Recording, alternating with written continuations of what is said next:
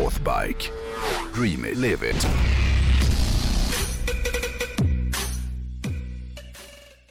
Jag läste en sak för ett tag sedan och den här veckan tänkte jag dela med mig av det här. För det var en resedagbok som jag ramlade över på nätet som, som jag tyckte var helt otrolig. Eller jag vet inte om det var en resedagbok men någon form av reseskildring är det i alla fall. Aha. Det var något med just den här berättelsen som, som gjorde att jag ändå kände att, eller jag kunde inte riktigt sluta vare sig läsa eller sluta tänka på den efteråt. Aha. Eh, Jag berättade ju tidigare i år om när jag och Tarta, min, eller vår kompis Martin, när vi begav oss norrut för att köra vildmarksvägen. Och sista 20 milen på natten så frös vi som två jävla tonåringar. För det låg ju regn och- i luften och så långt norrut så kan det bli ganska kallt på nätterna i slutet på september. Ja. Men storyn som jag tänkte berätta om idag, den får ju liksom mig och Martin att framstå som två riktiga sissis. Ja, men det är, det är ni. Ja, ja, ja, och exakt hur mycket vi är ska du snart få reda på. För, Ja. eh, för det är skillnad på kallt och kallt när man kör hoj. Aha. För jag ska nämligen snacka lite om en polsk äventyrshojåkare som heter Mark Suslik, a.k.a. The White Wolf. Oj, Som den 4 januari bra namn. Ja, 2020 lämnade sin hemstad i Polen för att köra genom Ukraina, via Moskva och sedan korsa hela Ryssland via Sibirien. Och kom ihåg nu att jag sa att det här var i januari. Jag har, jag har di- direkt kan jag säga. Jag har svårt att tänka mig en vidrigare resa. Ja, det här kommer du inte alls gilla. Fast jag tror att du kommer mysa för att det här är så fruktansvärt.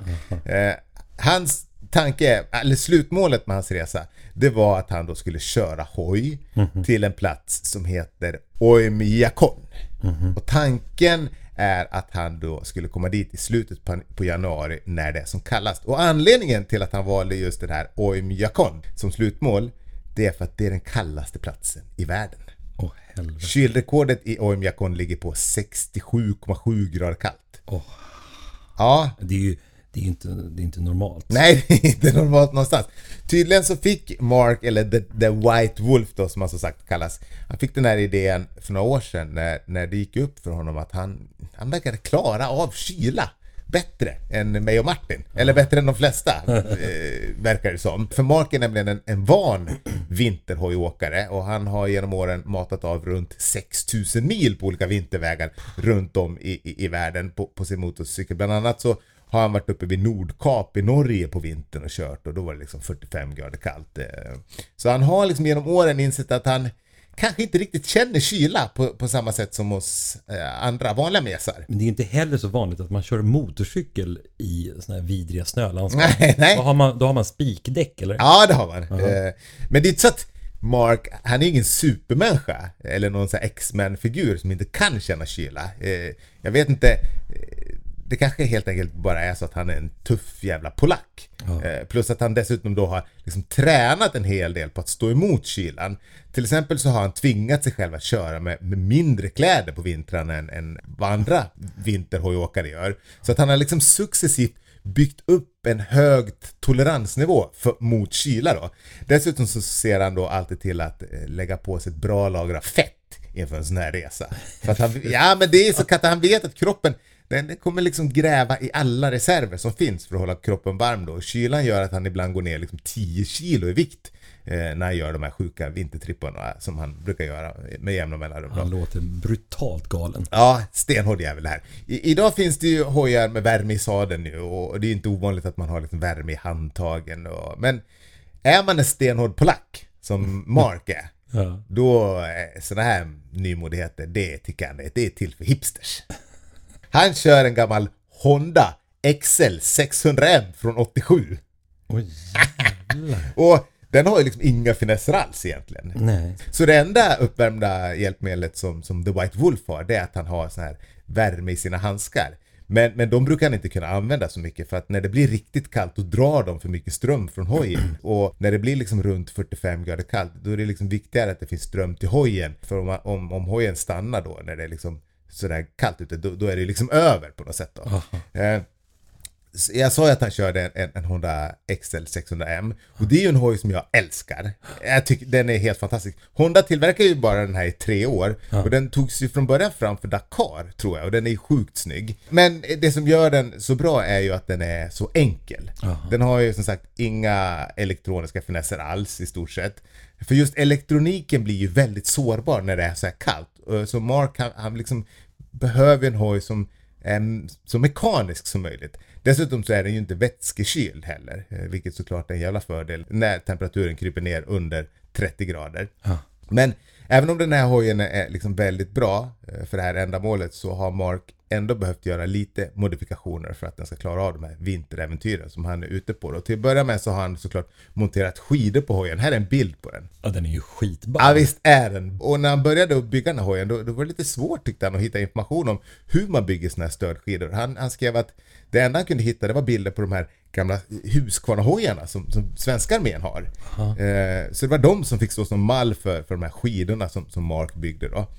Eh, och han har också bytt ut fotpedalen på bakbromsen till en bromshandtag på styret. Och exakt hur han har gjort det, det vet jag inte riktigt. Men anledningen är att han, han måste kunna stå upp och köra. Eh, och, och, jag tror att hans lösning på det här också kom från de här gamla svenska Husqvarna-hojarna som, som våra MC-ordonnanser hade. Ah. Hojarna från 50-talet. Sen har jag naturligtvis också vinterdäck på hojen då, precis som du var inne på.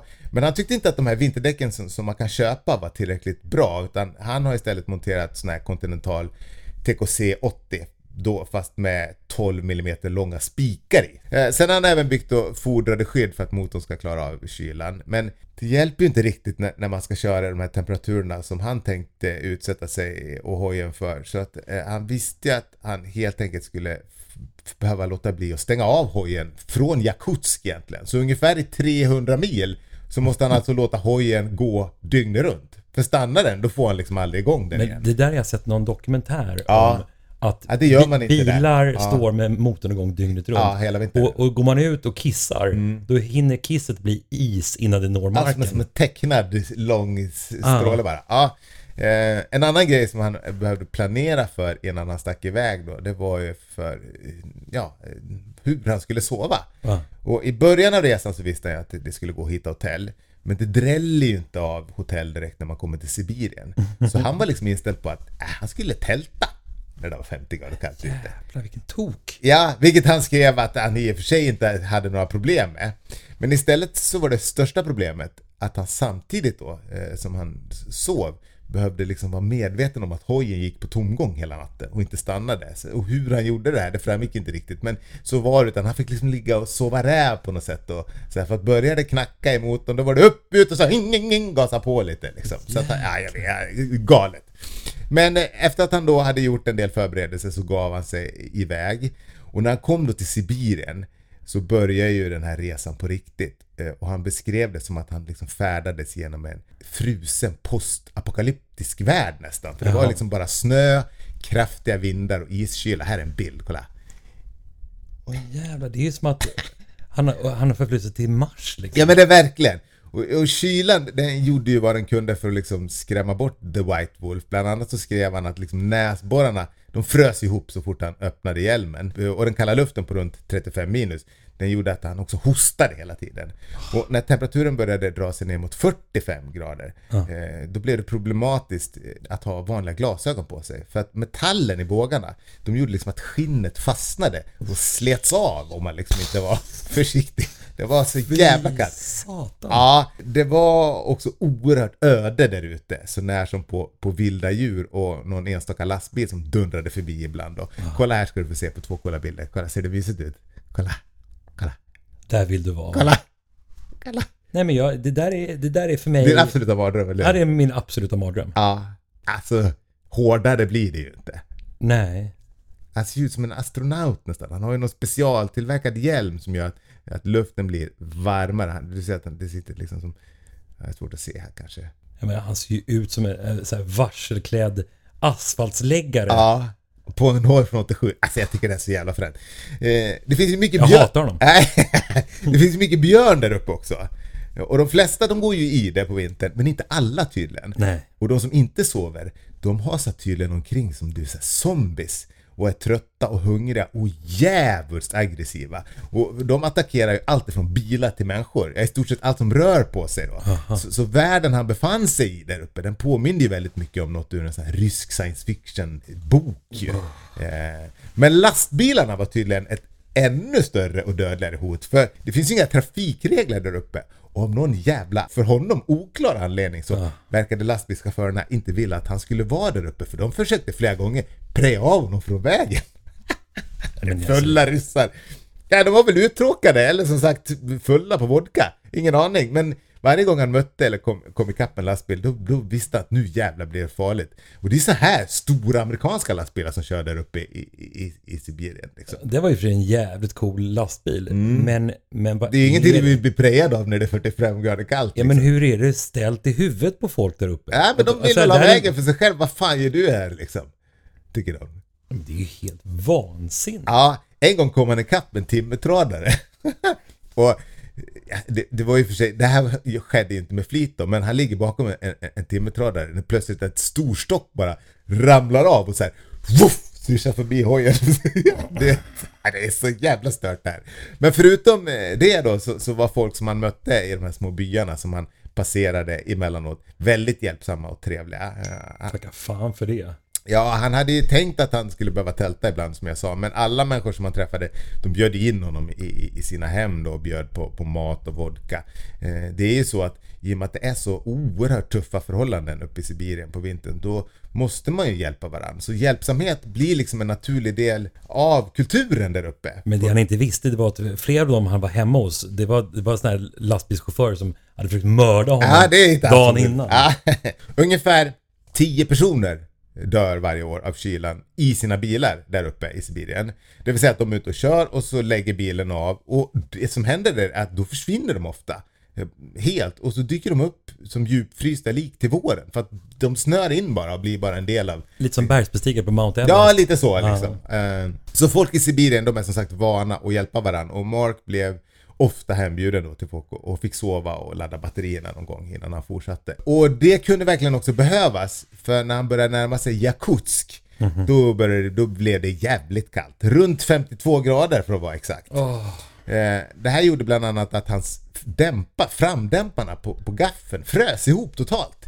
Vilket gjorde då att han... Stelben fram. alltså. Ja! Han tvingades köra utan dämpning då på de här djupfrysta, isiga vägarna länge. Eh, Och det var ju både svårt och läskigt. Förstår du? Helt stelt fram liksom. Bara... Och sen frös ju gasvajern ihop och gick av. Så han fick lov att trixa med det här när det stod liksom 52 grader minus på, på term- termometern. Jag avskyr honom så mycket. han han, han eh, förklarade att när man kör i den här typen av kyla då, då koncentrerar man sig inte på själva körningen utan allt fokus ligger på att känna efter hur hojen mår och beter sig. För när det är typ 45 grader kallt eller mer då kan faktiskt hela ramen gå av bara på grund av kylan. Hoppas den gör det. Så, Och en björn får bli mätt i alla fall. Nej men så att han åker ständigt och lyssnar och, och känner efter hur, hur hojen mår. En annan sak eh, var ju såklart att han behövde vara uppmärksam på, på hur kroppen mådde. Han hade liksom ett baslager som var gjort av marin och ull då såklart. Och sen ovanpå det så hade han något sånt här värsting varmt mellanlager från Climb. Eh, som släppte igenom fukten då från kroppen utåt. Problemet var ju det att när fukten till slut kom på utsidan av liksom overallen som han hade ytterst.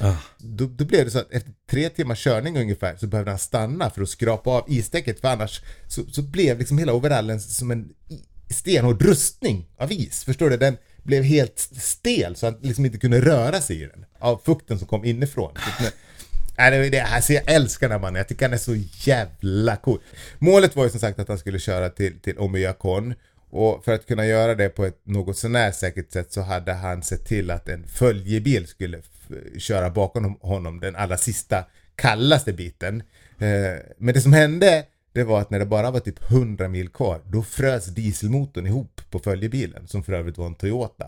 Det var 50 grader kallt då, eh, när det här hände. Och han försökte hyra en ny bil, men ingen ville hyra ut den, för de insåg att chansen att de skulle få tillbaka den var ganska liten då. Eh, och Mark kände att det skulle vara alldeles för farligt att köra de sista 100 milen. Dessutom så, så var ju de, de, de absolut kallaste. Utan, så utan följebil så, så kände han att äh, resan fick sluta i Jakutsk då, som för övrigt är den kallaste staden i världen. Så att, eh, och då hade han ju kört lite drygt tusen mil sen han startade i Polen. Då. Har de döpt Jakutsk liksom, liksom som ett, en, en önskan om att de hellre vill ligga i en jacuzzi? Nej, nej, det vet jag inte. Ja, det är mycket möjligt. Eh, Om man vill läsa mer om The White Wolf så kan man gå in på en hemsida som heter madornomad.com och, eh, och det finns faktiskt en länk på North Bike Play till eh, just Mad or Nomad. Så den kan jag tipsa om att gå in och, och följa. Ja. Eh, Så det var, ja just det, där hittade du den ja, precis. Men, men tänk att folk bor där det är minus 50 Ja, grader ja, och mörkt ja, jämt. Det är ju den typen av personer som man ska, som man ska liksom eh, bara skola om och, och skicka och bygga kolonier på Mars. För de, ja, är, de, ja, de är ju vana. Ja, liksom. ja, de kan gå vid badbrallor där uppe bara de får ha en syrgastub på ryggen. Ja, de behöver inte ens syrgas, Nej. typ. de bara håller andan. Ja, precis. Det är annat virke i, i, i folk i Ryssland. Ah, Ja. Och Polen tydligen då. Ja.